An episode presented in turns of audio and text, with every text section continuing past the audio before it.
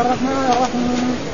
والوالدات يرضعن اولادهن حولين كاملين لمن اراد أن يتم الرضاعة وعلى الوليد له رزقهن وكسوتهن بالمعروف لا تكلف نفس إلا أوسعها لا تضار والدة بولدها ولا مولود له بولده. وعلى الوارث من ذلك فإن ارادا فصال عن تراض منهما وتشاور فلا جناح علينا وإن أردتم أن تستطيعوا أولادكم فلا جناح عليكم إذا سلمتم ما آتيتم بالمعروف.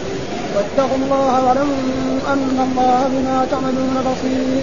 والذين يتوفون منكم ويذرون أزواجا يتربصن بأنفسهن أربعة أشهر وعشرا.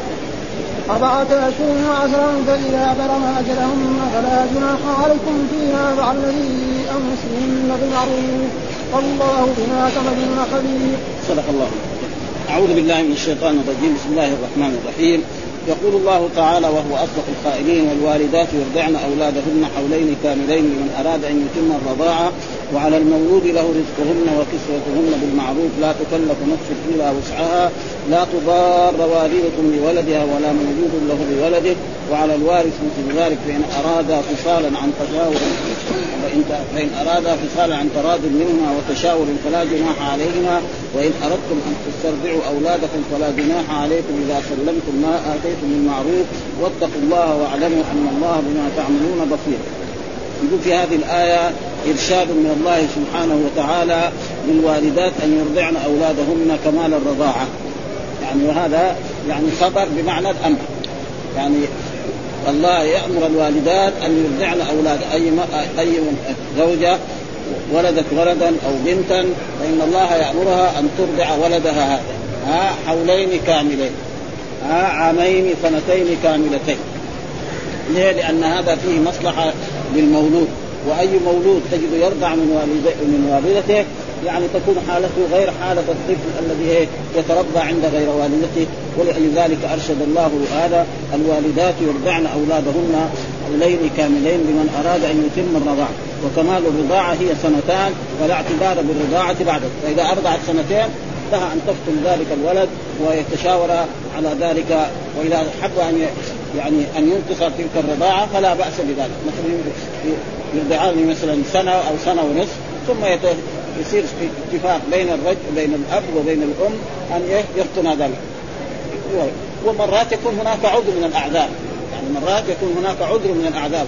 مثلا معروف أن الأم إذا ولدت ثم حملت بعد ستة أشهر أو سبع أشهر إذا رضع الولد هذا من هذا اللبن يصير إيه مرضان ويصير قد قد يكون سبب في موته. ها؟ فلأجل ذلك هم ينظروا إيه مصلحة هذا الولد ويرضعانه على هذه الطريقة. فيقول في هذه الآية هذا إرشاد من الله تعالى للوالدات أن يرضعن أولادهن كمال الرضاعة وهي سنتان فلا اعتبار بالرضاعة بعد ذلك. ولهذا قال لمن أراد أن يتم الرضاعة. ها لمن أراد أن يتم الرضاعه إذا أراد واما لو أرضعه مثلا سنة أو سنة ونصف أو سنة وثمانية اشهر أو تسعة اشهر فإن ذلك جائز لكن بعد إيه الاتفاق على وذهب يقول أكثر الأئمة إلى أنه لا يحرم من الرضاعه إلا ما كان دون الحولين. يعني المرأة إذا أرضعت طفلا نعم دون الحولين يصير ولدها. ويصير هذا الزوج لهذه المرأة أب لها وأبوها جد جد لهذا الطفل. وأخوها خال لهذا الطفل. ومثلا والرجل هذا السبب يصير إيه؟ أبو لهذا الطفل من الرضاعه وكذلك أبوه جده وأخوه عمه وهكذا يعني. لأنه جاء في الأحاديث الصحيحة الرضاعة تحرم ما تحرم الولادة. ها الرضاعة تحرم ما تحرم الولادة. فلأجل ذلك في هذا يقول والوالدات يرضعن أولادهم. وهنا الوالدات مبتدأ ويرضعن هذا جملة من الفعل والفاعل الذي هو نون النسوة خبر. ها لكن هو جملة خبرية بمعنى الأمر. يعني أرضع أرضعي أيتها الوالدة أيتها الأم ولدك. كانه كذا بيقول أرضعي أيتها الأم ولدك. ها أولادهن حولين يعني عامين كاملين لمن أراد أن يتم الرضاعه إذا أراد يتم الرضاعه حولين ولا يزيد عن الحولين ها فإن الزيادة عن الحولين قد يكون فيه ضرر لهذا الطفل، أول يصير إيه؟ مدلع يروح يلعب في الشارع ويجي يمسك أمه. يصير خربان يعني ابدا. ها؟ وهذا شيء معروف يعني ها؟ ابدا. إذا كان فوق الرضا بعد ما يروح يلعب في الشارع وبعدين يجي يمسك ثدي امه ويرضع فما في فائده هو لا يستفيد لأنه لو كان بس على هذه الرضاعه يموت. ها؟ هو يأكل خبز ويأكل كل شيء. فلأجل ذلك ذكر بعض العلماء أن الرضاعه أكثر من الحولين. هذا إيه؟ فيه ضرر. ها إما عاد إما في نفسه أو في صحته أو في عقليته. ويكفي ذلك أنه يكون يعني تقريبا مدلع دلعا شديدا ولا يصلح. فلذلك الله لا يأمر إلا بالشيء الذي إيه فيه منفعة. سواء علمنا تلك المنفعة وهذا معناه والوالدات يرضعن أولادهن كاملين آه، حولين كاملين لمن أراد أن يتمها. ثم يقول وعلى المولود له. وعلى المولود له. له هذا يعود على الوالد. وعلى المولود لأن الولد ولد لمن؟ الأم ولدته من بطنها لكن الولد ينسب إلى من؟ إلى الأب. والمولود له يعني على الوالد. إيش له هذا؟ معناه على الوالد. له رزقهن. رزق الولد هذا ورزق أمه وكسوتهن. والقيام بكل ما تحتاجه هذه الأم وهذا الولد. يجب على الأب أن ينفق على إيه؟ على هذه الزوجة وعلى هذه المرضعه لولده وكذلك يكسوها ويكسو ولدها ويقوم بشؤونهما. وكل واحد على قدر المستطاع. فالغني ينفق إنفاق الأغنياء. والمتوسط ينفق إنفاق إيه؟ المتوسطين. والفقير ينفق لأن الله جاء في القرآن في المطلقه لينفق ذو سعة من سعته ومن قدر عليه رزقه فلينفق مما آتاه الله. لا يكلف الله نفسا إلا ما اتاه يعني معنى هذا أن إذا ولد لك أيها المسلم ولدا فيجب عليك أن تنفق على هذه الزوجة وعلى هذه الأم وعلى ولدها بالمعروف على قدر ما تستطيع. فالغني ينفق إنفاق الأغنياء والمتوسط ينفق إنفاق المتوسطين والفقير ينفق بقول الله تعالى لينفق ذو سعة من سعته ومن قدر هذه الايه في إيه؟ في المطلقات. في سورة إيه؟ في سورة الطلاق. وعلى المولود له رزقهن وكسوتهن. رزق إيه؟ رزق الأم ورزق أولادها سواء كانت واحد أو اثنين أو أقل. بالمعروف. ها بالإحسان يعني ها بالإحسان. فالغني ينفق ما يكون هو غني ويروح يجيب لها أشياء قليلة مرة واحدة أو يكون هو متوسط وينفق عليها بالمعروف لا تكلف نفس إلا وسعها. لا يكلف الله نفسا إلا وسعها. ها لا تضار والدة بولدها ومعنى لا تضار والدة بولدها مثلا المرأة تلد وبعد ما تلد تقدر تأخذ الولد خذ من اب أنا ما أبغى ولا بدي ارضع أنا مثلا تدعي أنا مريضة وأنا من عادتي أنا ما أرضع وأنا كذا وكذا. وهي يعني زوجته يعني غير لو طلقها هذا شيء آخر. ها يقول أنا لا أرضع. قد يكون مرات يعد تكون هي مريضة. ها ها أو ما فيها لبن مرة واحدة. فليس لها أن تقول هذا عشان إيه؟ تاثر على الزوج. لأن الزوج لما يولد ولد وتقول ما ترضع معناه بكرة يموت يعني. يمكن يموت يعني. في الزمن السابق يموت. ها الآن ما شاء الله خلاص في أشياء طرق حديثة. ولكن هذه الطرق الحديثة كلها ما تنفع. أي مولود يعني يتربى على القوارير هذه حقت هذا تجده ابدا حالته الصحيه ما هي طيبة. وما عنده شيء ما يجد من العطف ولا يجد من الحنان. فلذلك هي لا يجوز لها أن إيه حال ما تلد تقول آه أنا أنا لا أرضع. خذ ولدك. روح دور له مرضعه فإذا أصرت على ذلك فهي لازم ترجع الأيام الأولى. يعني خمسة أيام أو ستة أيام أو عشر أيام حتى إيه يشرب اللبن الذي إيه يخرج من ثدي المرأة يعني كما نرى نحن في إيه في الغنم وفي الإبل وفي البقر إنه بعد ما تلد يخرج يعني لبن يعني ضخيم جدا وهذا يعني له فائدة عظيمة جدا. فإذا كانت اصرت على ذلك ترجع الأيام الأولى. عشر أيام خمسة أيام ستة أيام على قد ما الناس يعني الذي يعرف هذا الموضوع و بعد ذلك لا تضارون ولا مولود له بولد. كذلك ولا مولود له الأب. ها؟ المولود كذلك آه، الأب يروح إيه؟ عشان زعلان من المرأة أو بينه وبينها شقاق يقول حال ما تلد يقوم يجي ياخذ الولد. يقول أنا لا بدي إيه أو كل واحد ترضع فهذا إيه؟ ومعلوم المرأة تحب ولدها جدا. وهو إيه؟ لأجل إيه؟ لأجل الإضرار بالأم. فهذا ما يصح. ها لا يصح فانت أيها الأب إذا ولدت زوجتك ولدا فعليك أن إيه تقوم بنفقته وبنفقه آه الأم وبالإحسان وبالمعروف على قدر ما تستطيع الغني ينفق إنفاق الأغنياء والمتوسط ينفق إنفاق المتوسطين ولا يجوز لها أن تضار هي الوالدة بولدها بعد ما تلده تقول للايه للاب خذ ولدك أنا ما أرضع وأنا ما ما عندي استطاعة وأنا كذا. وكذلك هو لا يجوز له بعد ما تلد يجي يأخذ الولد. يقول أنا هذا ولد وأنا ما ابغاك ترضعيه ها أنا أبغى أدور له مرضع فلا يجوز فهذا كله إيه اضرار لأن المرأة تحب ولدها جدا. ها ولا يجوز هذا لهم. ولا مولود له وعلى الوارث مثل ذلك. وعلى الوارث يعني مثلا أخوه أو ابن عمه أو قريبه الذي يرث. يعني مثلا هذا المولود ولد وكان له ليس له أب لأن الأب مات. فيجي إيه؟ الأخ. ها؟ الأخ يحل محله. ها؟ ينفق على هذه المرأة. وينفق على ولدها ويقوم بشؤونهما بطعامهما وكسوتهما وإسكانهما عليه. هذا معناه وعلى الوارث. يعني إيه؟ ابن عمه اخوه ابوه لأن هذول من اللي يرث يعني إذا مات الإنسان مين يرث؟ يرث أو في الدرجة الأولى ابوه أو اخوه الكبير. ها؟ فهذاك يقوم بهذه الشغل فإذا مات إنسان وترك زوجة وهذه الزوجة ولدت ولدا وهو قد مات. يلزم على مين؟ إن كان الأب موجود. أبو جد هذا الطفل يقوم إيه؟ بنفقة هذا الإيه؟ المولود. نعم وكسوته. والانفاق على أمه حتى يكبر. يعني حتى يعني تتم الرضاعة التي هي الحولين وبعد ذلك إذا كان الأب مات خلاص تنتقل إلى بيت أهلها هي. ها؟ وعلى الوارث مثل فإن اراد فصالا فإن اراد يعني الأب والأم اراد اثنين. يعني مثلا بعد ما الأم أرضعت ولدها مدة شهور سنة أو سنة ونصف تقول والله ولدي هذا يعني الآن صار طيب وصار يأكل يعني نبغى إيه؟ يعني نفتم فتشاور الأب. فإذا وافقوا يفتموا ولو ما غلق سنتين. يعني لا يجوز للأب يفتم يقول لا افتم الولد. حنا ولا يجوز هي أن تفتم الولد بدون إيه؟ مشاورة الأب. لازم إيه؟ يتفق على هذا. فلذلك الله يقول فإن أراد ها؟ أراد يعني الأب والأم. ها؟ ها؟ بعد ما يتشاور. يقول تقول الأم أن ولدي هذا الآن عمره سنة ونصف. إذا ما نرضع حولين نعم يتعبنا وهذا نحن نفتن ويقرر. والأب كمان يوافق هذا. فإذا وافق أحدهما ليس لا يجوز. لازم الاثنين الأب والأم يوافق على إيه؟ فإن أراد الاثنين فصالا عن تراض منهما وتشاور. قال فلا جناح عليه ولو ما تم سنه مع أن الله قال والوالدات يرضعن أولادهن حولين كاملين. وهناك جاء في آية وفصاله في عامين. فصاله في عامين. عامين هو إيه؟ سنتين. وجاء في آية أخرى. وجاء في آية أخرى. وحمله وفصاله ثلاثون شهر. وحمله وفصاله ثلاث وقد حصل ذلك أن رجلا من أصحاب النبي صلى الله عليه وسلم تزوج امرأة وبعد ستة أشهر من زواجه بها ولدت. فلما ولدت الأب قال هذا مو ولدي لأن الحمل دائما في الغالب يكون تسع أشهر.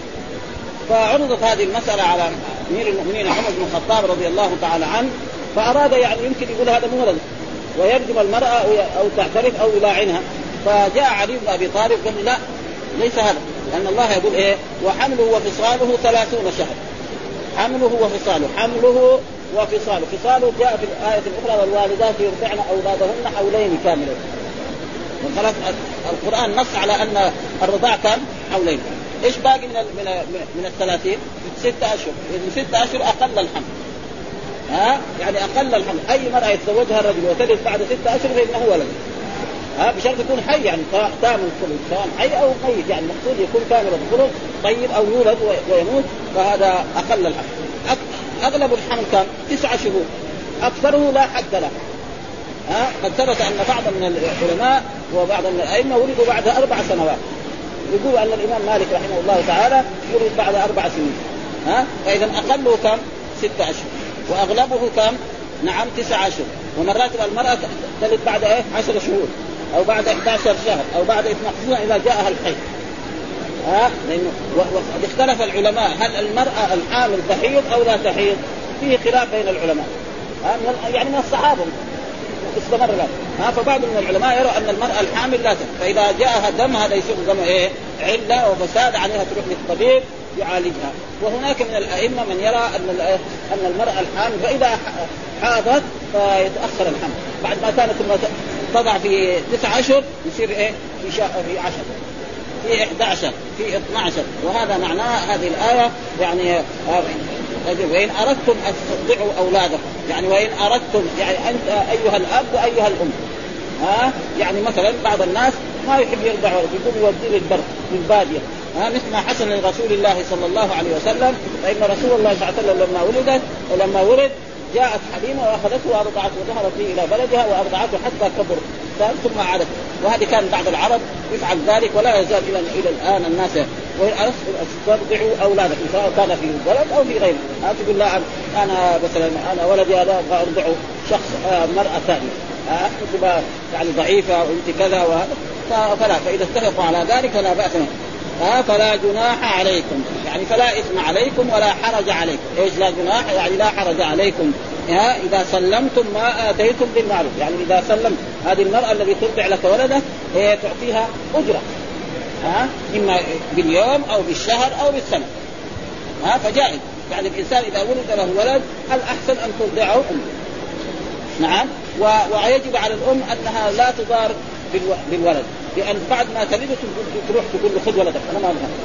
عشان إيه تحرق إيش سايبه؟ إيش سايبه الأب؟ خصوصا في الزمن السابق. مشكلة كبيرة يعني. ثم هو له أعمال. وما في أحد يقدر يقوم بشؤون الطفل يعني مثل امه مهما كان جبنا له خادم وجبنا له مدري إيه وجبنا له ما في فائدة ابدا. كل هذا. إن كان الخادمة تخليه مثلا يعني ما تتركه يصيح يصيح يصيح بعد ساعات تجي تاخذه ها ما تغير الوسخ اللي فيه. أما الأم كل دقيقة هي معاه لأنها ولد ها منها بتاعته منها. وكذلك هذا فلذلك الله أمر بهذا ويجب على الآباء وعلى الأمهات أن يؤدوا هذا الواجب لأن الله أرشدهم إلى ذلك. وهذا زي ما نقول قال والوالدات يرضعن هي جملة خبرية. ولكن المراد بها يعني جملة إيه؟ الطلب والإنشاء. زي قول الله تعالى يا أيها الذين آمنوا هل أدلكم على تجارة تنجيكم من عذاب أليم؟ تؤمنون بالله ورسوله وتجاهدون في سبيل يعني إيه؟ معنى آمنوا بالله ورسوله. ها؟ بمعنى امن وكذلك والوالدات يرضعن. بمعنى إيه؟ أرضع أرضع أيتها الوالده ولدك وأرضعن أيها الوالدات أولادكم. فهو يعني جملة خبرية والمراد بها الطلب والإنشاء هذا. وهذا يعني تقريبا لا جناح عليكم إذا سلمتم ما آتيتم بالمعروف. فهذه المرضع التي ترضع لك ولدك لازم تكرمها ولازم تحسن إليها وتعطيها أجرة على ذلك.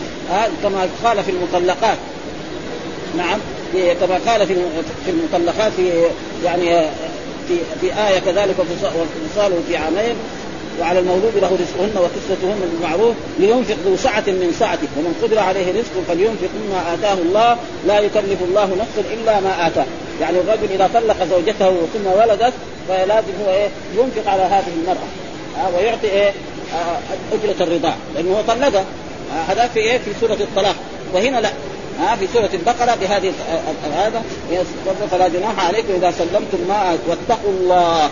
يعني واتقوا الله في إيه؟ امتثلوا أوامره واجتنبوا نواهيه. واتقوا الله. فلا جناح يعني الجناح لا حرج عليكم لا حرج عليكم ها؟ ها؟ إيه، الأولاني فلا جناح عليهما. يعني الأول. إن اراد فصالا عن تراض منه وتشاور فلا جناح عليك. يعني إذا اراد اتفقوا يعني لا حرج عليكما. اي اي هذا من ضمن ها؟ اراد ان تراد وتشاء فلا جناح عليهما. في إيه؟ في أنهم يعني يعني يفتنوا الطفل. ها؟ لأن قال فإن اراد أراد مين؟ الأب والأم. ها؟ هذا. ها؟ إن أراد عن تراض يعني الاب وافق على أن ولده هذا يفطن بعد سنة ونصف. بعد سنة وخمسة أشهر. بعد سنة وثمانية أشهر أو عشر أشهر فلا بأس بذلك. لكن بشرط أن يتشاور على ذلك. الأب يوافق والأم توافق. هذا معناه. فلا جناحان لا حرج عليكما ولا إثم عليكم إن ذلك جائز. وإذا أرادوا أن يتمموا الرضاعة إلى إلى سنتين فهذا أمر من الرب سبحانه وتعالى والوالدات يرضعن أولادهن حولين بعد ذلك وإن أردتم أن ترضعوا وإن أردتم أن ترضعوا أولادكم يعني إيه؟ يرسل ولده إلى امرأة أخرى ترضع ولده وهذا مفعول يفعله. ها؟ رسول الله محمد صلى الله عليه وسلم نعم جاءت حليمة السعدية وأخذته. مع أنه كان إيه؟ يعني لما في مساء إرضاع الرسول انه كانوا العرب ياتين إلى مكة. أهل مكة ناس أغنياء. ها فكل واحدة تأخذ ولد لها تذهب إلى بلدها وترضعه فجاءت حليمه وفتشت فتشت ما وجدت. في الآخر وجدت إيه؟ الرسول محمد صلى الله عليه وسلم الرسول محمد معلوم أنه ولد يتيما ها؟ فأخذته اياه يعني وإذا به ربنا أعطاها من الأجر ومن الثواب ومن البركة الذي حتى كانت ذهبت إلى بلدتها وبلدتها كانت يعني في جدب وقحط صار أغنى ما ترجع وهي كلها بالحليب. وارضعت الرسول مده من الزمن ثم اعادته ثم أخذته مرة ثانية ثم بعد ذلك خافت عليه. إنه بينما كان يلعب مع إخوانه رأوا أن شخصا جاء أخذه وشق ها؟ فخافت بكره يموت هذا وبعدين يساوي قريش يساوي معاه فهو لم قد كبرى اخذته ولدته هنا وتربى عند آه يعني عند عند عند جده حتى صار عمره ست سنوات ثم توفي الجد عبد المطلب ثم صار عند عمي أبي طالب حتى بلغ إيه النبوة والرسالة.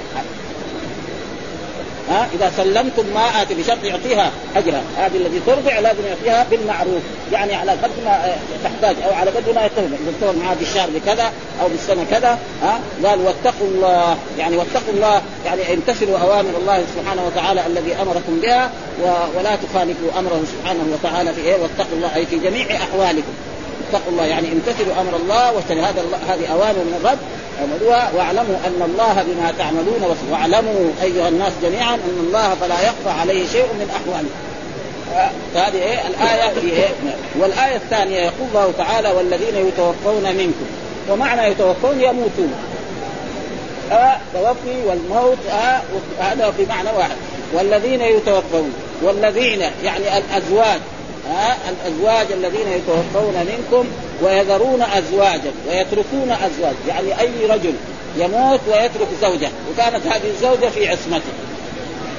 يجب على هذه الزوجة أن تتربص أربعة أشهر وعشرة تجلس لا تتزوج حتى يمضي عليها أربعة أشهر وعشرة أيام. فإذا انتهت الأربعة أشهر وعشرة أيام لها أن تتزوج إذا حبت أن تتزوج.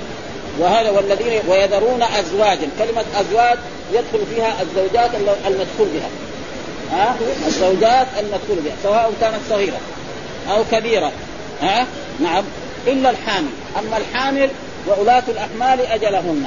فإذا رجل مثلا كان متزوج مرأة وبعد ما ومات وبعد موت بعد موت الزوج بيومين أو بشهر أو أو بأيام ولدت. انتهت عدته. ها؟ ليه؟ للآية في سورة الطلاق. والذين يتوفون منكم ويذرون آه والذين يتوفون آه والذين آه وأولاة الأحمال أجلهن أن يضعن حمله وأولاة الأحمال أجلهن أن يضعن حمله فالمرأة الذي يتوفى زوجها وهي حامل فإذا وضعت بعدها بيوم أو يومين أو ثلاثة أو شهر أو أقل فإنها تنتهي وهذا قد حصل لامرأة من أصحاب النبي صلى الله عليه وسلم تسمى السبيعية يعني بعدما توفي زوجها بأيام قليلة ولدت هي. فلما ولدت أرادت هي تتجمل ولو و... جاءها الخطاب يقتلوها ف... ف... فرجل من أقاربها قال لها, قال لها ابدا ما يمكن تتزوجي حتى يمضي عليك أربعة أشهر وعشرة. فهي قالت ليه؟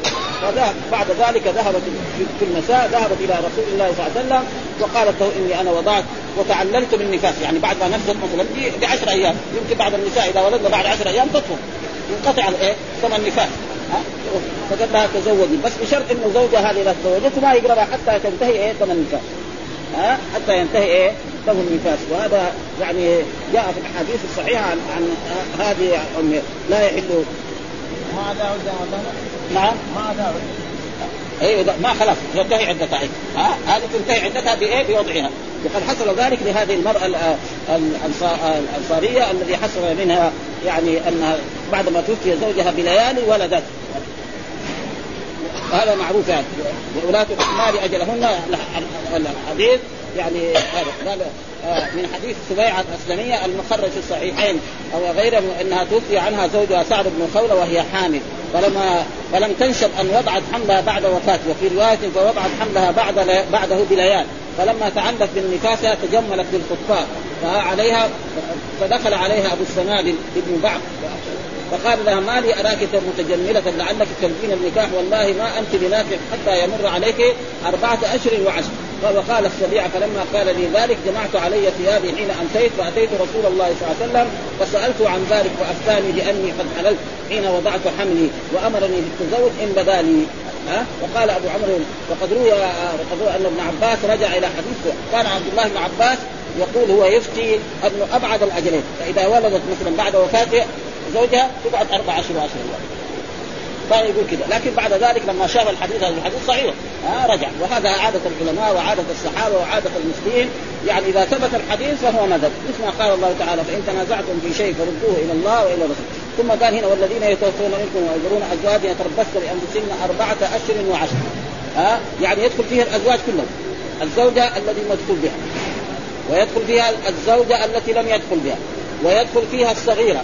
ويدخل فيها الدين. كلهم يدخل أزواج ها؟ كلهم يدخل فيها والدليل على ذلك قصة حصلت لإيه؟ لعبد الله بن مسعود. عبد الله بن مسعود معلوم من كبار أصحاب رسول الله صلى الله عليه وسلم ومن علماء الصحابة رضوان الله تعالى عليهم. وبينما هو كان جالسا في مجلس من المجالس إذ جاء رجل نعم وقال له يا يا أبا عبد الرحمن إن رجلا منا تزوج امرأة ها؟ ولم يدخل بها ولم يفرض لها صداق وتوفي. يعني رجل تزوج امرأة قال له وليها زوجتك بنتي فلانه أو أختي فلانه وما دخل بها. ها؟ وما عطى وما فرض لها صداق ومات قالوا له طالع في القرآن في السنة لا ما وجد. بعدين قال لهم الحين ما راحوا رجعوا له ثاني مرة كمان. يعني فين نروح؟ أنتم العلماء. هذه مشكلة حاصلة عندها قال لهم طيب مرة مرة مرتين ثلاثة تتردد عليه قال لهم أنا أريد دحين أن أفتي فتوى. يعني ما أحكم فتوى يعني أقول لكم كلام. هذه المرأة نعم عليها العدة. أربع أشهر وعشر أيام. ولها صداق أمثاله أختها وعمتها كم تزوجوا؟ أو في وقتها بكم يتزوج النساء؟ ها ولها الميراث. قال لهم هذه إيه؟ يعني هذا إيه فتوى؟ تبغوا خذوها ما تبغوا. وهذا إن كان صواب فهو من الله ومن رسوله. وإن كان خطأ فمني ومن الشيطان والله ورسوله بريئان من ذلك يعني هذا كلام أنا من مخي هذا. قام رجل من الجالسين في درسه قال وأشهد بالله أن رسول الله صلى الله عليه وسلم قد حكم بمثل حكمك هذا في بروع بنت واشم.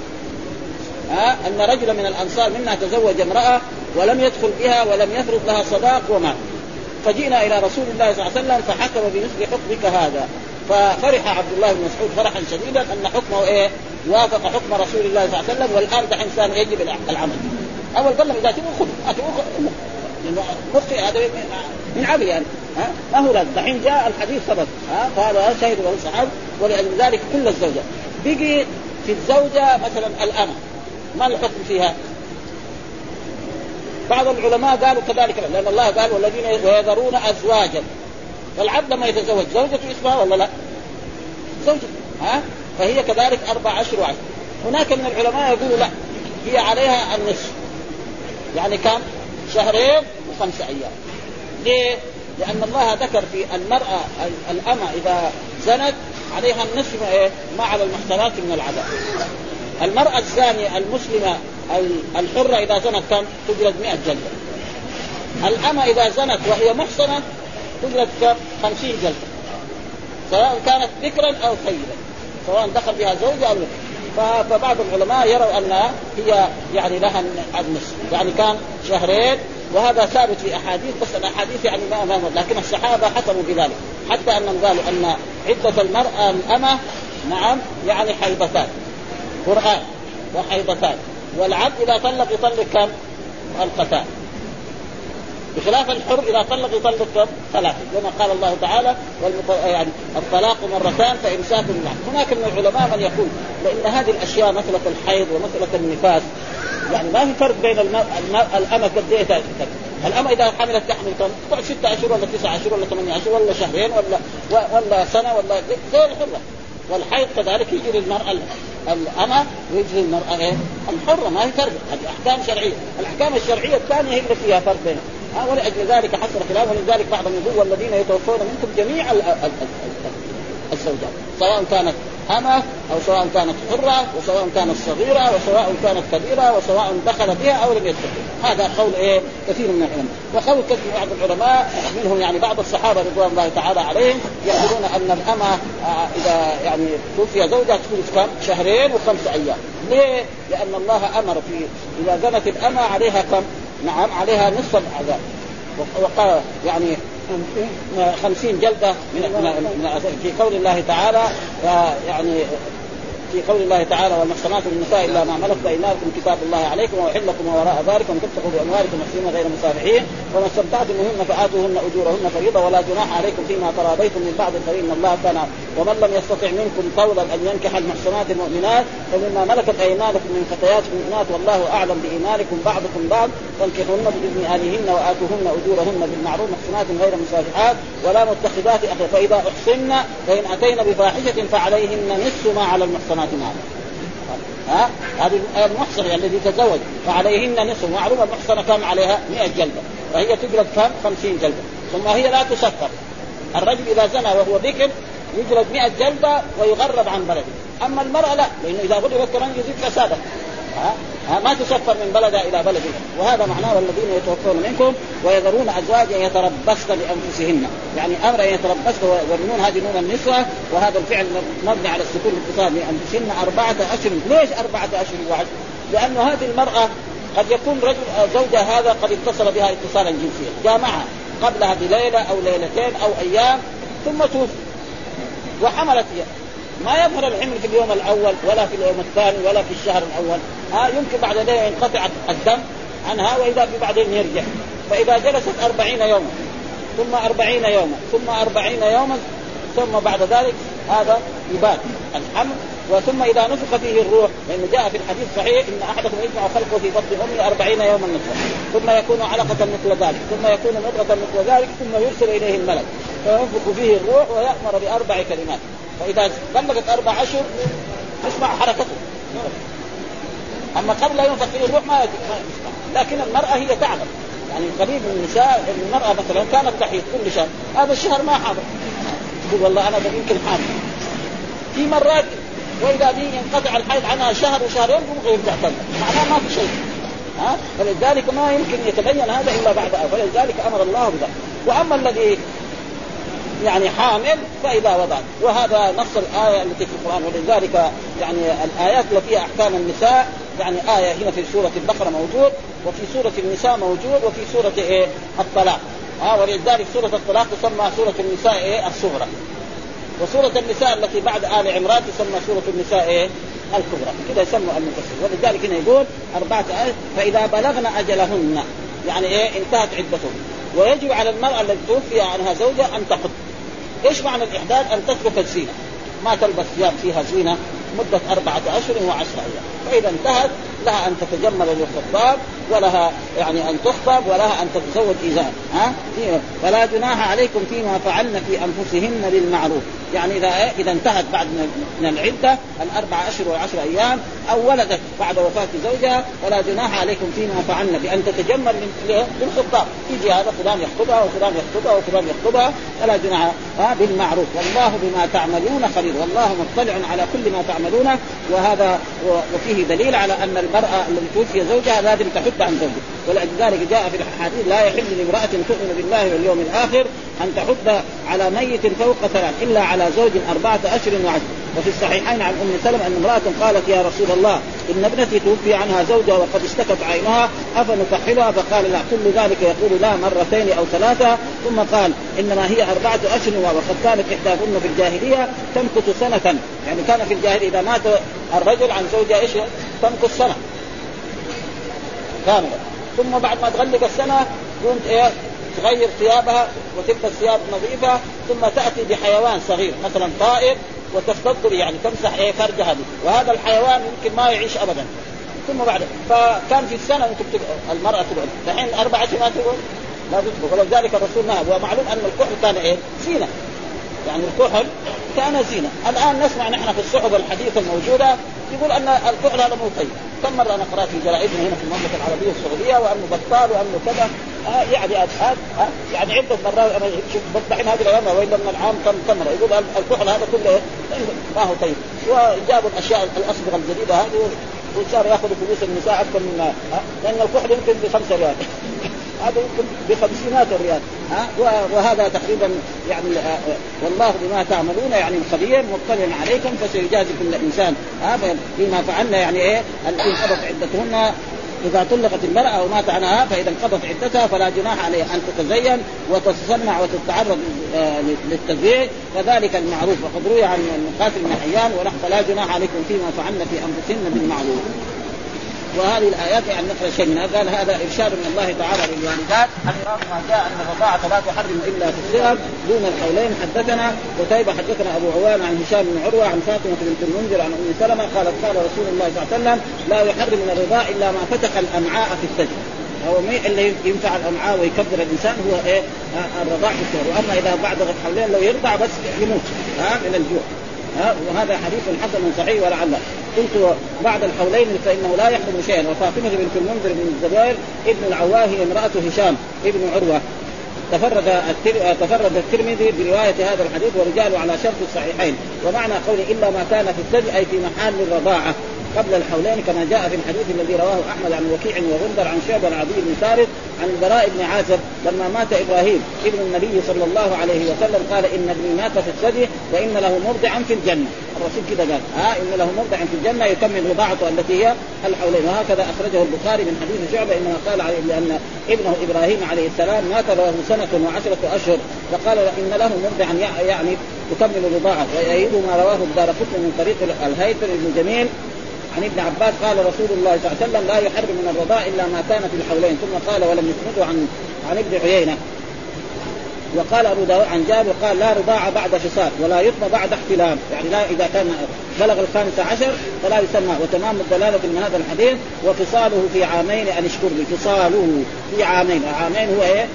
اللي ذكر فيه والوالدات يرضعن أولادهن حولين كامل وحمله وفصاله ثلاثون شهرا والقول بأن الرضاعة لا تحرم بعد يروى عن علي وابن عباس وابن مسعود وجابر وأبي هريرة وابن عمر وأم سلمة وسعيد بن المسيب وعطاء والجمهور وهو مذهب الشافعي وأحمد وإسحاق والثوري وأبو يوسف ومحمد ومالك وفي رواية عنه. وأن مدتها سنتان وشهران. بعضهم يقول إيه؟ سنتان. وهذا ما له يعني يقول هذا الكلام. يجي بعض العلماء لا يقول مثل إن القرآن قال هكذا خلاص. وفي رواية ثلاثة أشهر وقال أبو حنيفة سنتان وستة أشهر وقال زفر الهذيل ما دام يرجع فالى ثلاث سنين وهذا وهذا رواية عن الأوزاعي قال ولو فتن الصبي دون الحولين فأرضعته امرأة بعد فصاله لم يحل لأنه قد صار بمنزلة الطعام وهو رواية عن الأوزاعي. ثم ذكروا على المولود رزقهن وكسوتهن بالمعروف على الوالد على والد الطفل نفقة المو... الوالدات وكسوتهن بالمعروف بما جرت به عادة أمثالهن في بلدهن من غير إسراف ولا إخبار بحسب قدرته في يساره وتوسطه وإخباره يعني فقره. كما قال لينفق ذو سعة من سعته ومن قدر عليه رزقه فلينفق مما آتاه الله لا يكلف الله نفسا إلا ما آتاه سيجعل الله بعد عسر.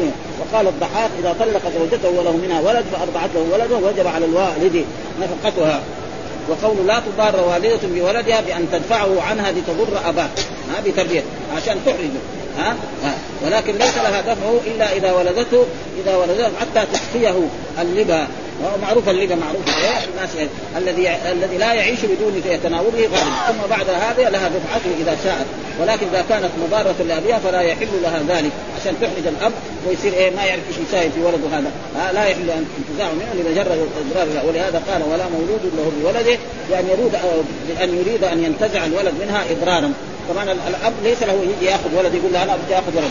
ما باقي تنتهي ليس له ذلك ابدا عشان يضرها وأما إذا كان لغرض من الأغراض بان كانت هي مريضة أو كانت ضعيفة أو غير ذلك وعلى الوارث من ذلك قيل وعدم الضرر لقريبه. قال مجاهد والشعبي والضحاك وقيل عليه مثله.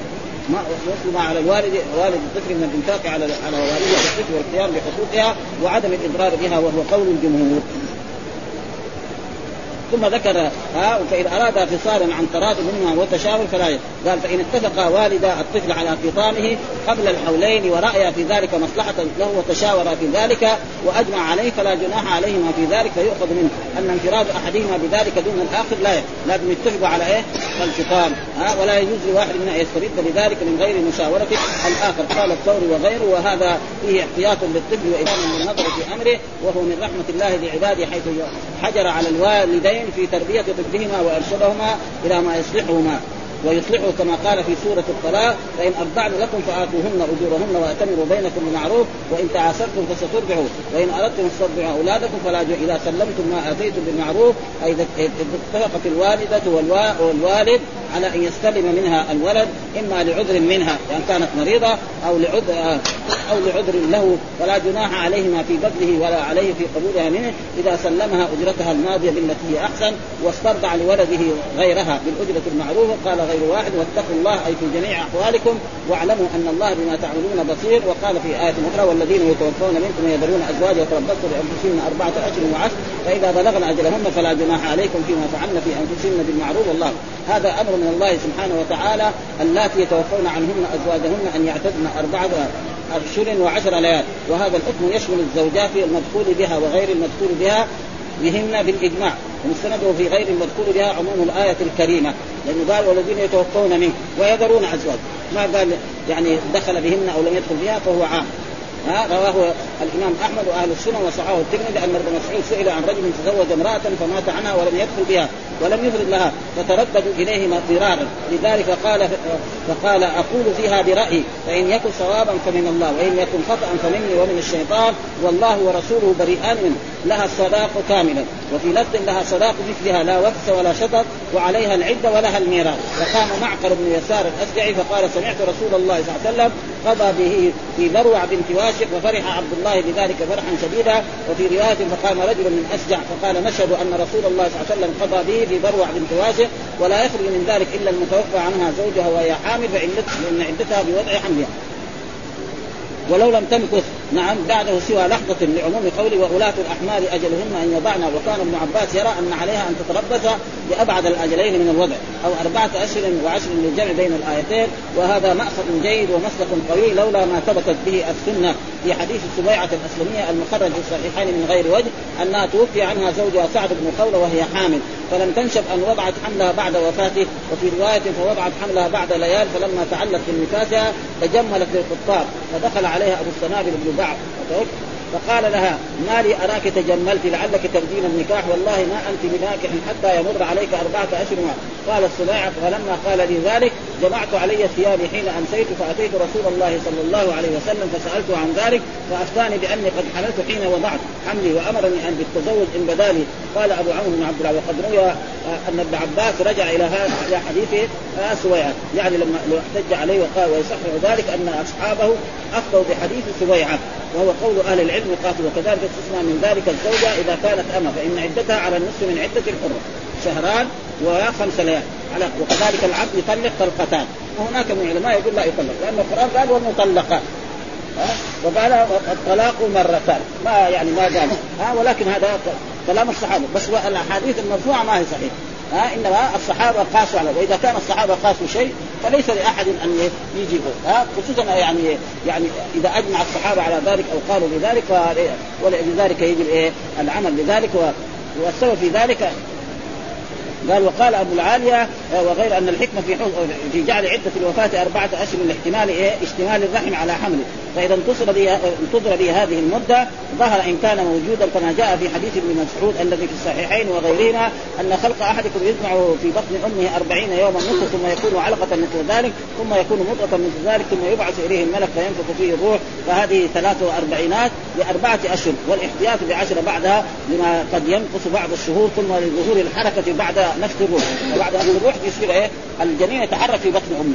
فهي تعرف ذاك الوقت إنها حامل أو غير حامل ولذلك قال فإذا بلغن أجلهن فلا جناح عليكم فيما فعلن في أنفسهن بالمعروف. والله بما يستفاد من هذا وجوب الاحداد على المتوفى عنها زوجها مدة عدتها لما ثبت في الصحيحين من غير وجه عن أم حبيبة وزينب بنت جحش أم المؤمنين أن رسول الله صلى الله عليه وسلم قال لا يحل امرأة تؤمن بالله واليوم الآخر أن تحد على ميت فوق ثلاث إلا على زوج أربعة اشهر وعشر وفي الصحيحين عن أم سلمة أن امرأة قالت يا رسول الله إن ابنتي توفي عنها زوجها وقد اشتكت عينها أفنطهرها قال لا. كل ذلك يقول لا مرتين أو ثلاث. وقال إنما هي أربعة أشهر وقالت كانت إحداثن في الجاهلية تمكث سنة. وقالت زينب بنت أم كانت المرأة إذا توفي عنها زوجها دخلت حفشا. يعني مكان ضيق ما هو طيب ابدا ولبست شر ثيابها ولم تمس طيبا ولا شيئا حتى تمر بها سنة ثم تخرج ها فتعطى بعرة فترمي بها. بعرة زي حق الإبل وغير ذلك ثم تؤتى بدابة حمار أو شاة أو طير فتنفذ به يعني تمسح إيه؟ فرجها.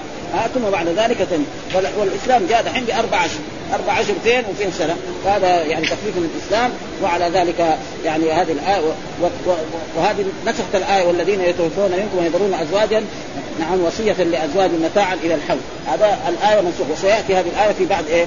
بعد هذه الآيات في نفس سورة البقرة. فإذا بلغن أجلهن انقضت عدتهن قال الضحاك ثم فيما فعلن يعني النساء اللاتي انقضت عدتهن. وقال عن ابن عباس إذا طلقت المرأة أو مات عنها زوجها فانقضت عدتها فلا جناح عليها إن تتزين وتتصنع وتتعرض للتزويج كذلك المعروف وروي عن القاتل بن حبان فلا جناح عليك فيما فعلن في أنفسهن بالمعروف. فقال النكاح الحلال الطيب. ها لها أن إيه؟ تتزوج إذا حبت. والحمد لله رب العالمين وصلى الله وسلم على نبينا محمد وعلى آله وصحبه وسلم.